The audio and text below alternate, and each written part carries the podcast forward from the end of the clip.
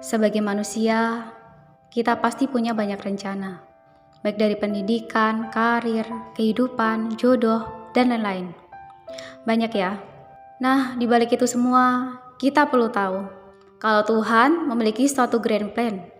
Dan grand plan yang Tuhan punya adalah menurut kehendaknya, yaitu agar manusia menjadi ekspresinya.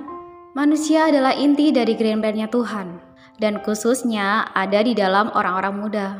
Di dalam Alkitab, mengenai orang muda ini dibahas secara khusus dan detail. Seperti di kisah para rasul pasal 7 ayat 58 disebutkan, seorang pemuda yang bernama Saulus ada banyak tokoh-tokoh Alkitab yang dipanggil Tuhan sejak mereka muda. Ada Abraham, Yusuf, Musa, Samuel, Daud, Paulus, dan lain-lain. Pertanyaannya, kenapa kok muda? Lukas pasal 18 ayat 17 mengatakan, Sesungguhnya aku berkata kepadamu, siapa saja yang tidak menyambut kerajaan Allah seperti seorang anak kecil, ia tidak akan masuk ke dalamnya. Orang-orang muda yang dipanggil untuk berbagian dalam grand plan Allah seharusnya menyambutnya seperti seorang anak kecil, masih fresh, nggak kaku, lincah, bahkan terbuka pada hal-hal baru. Dan tentunya Tuhan selalu baru bagi kita. So, mari kita renungkan.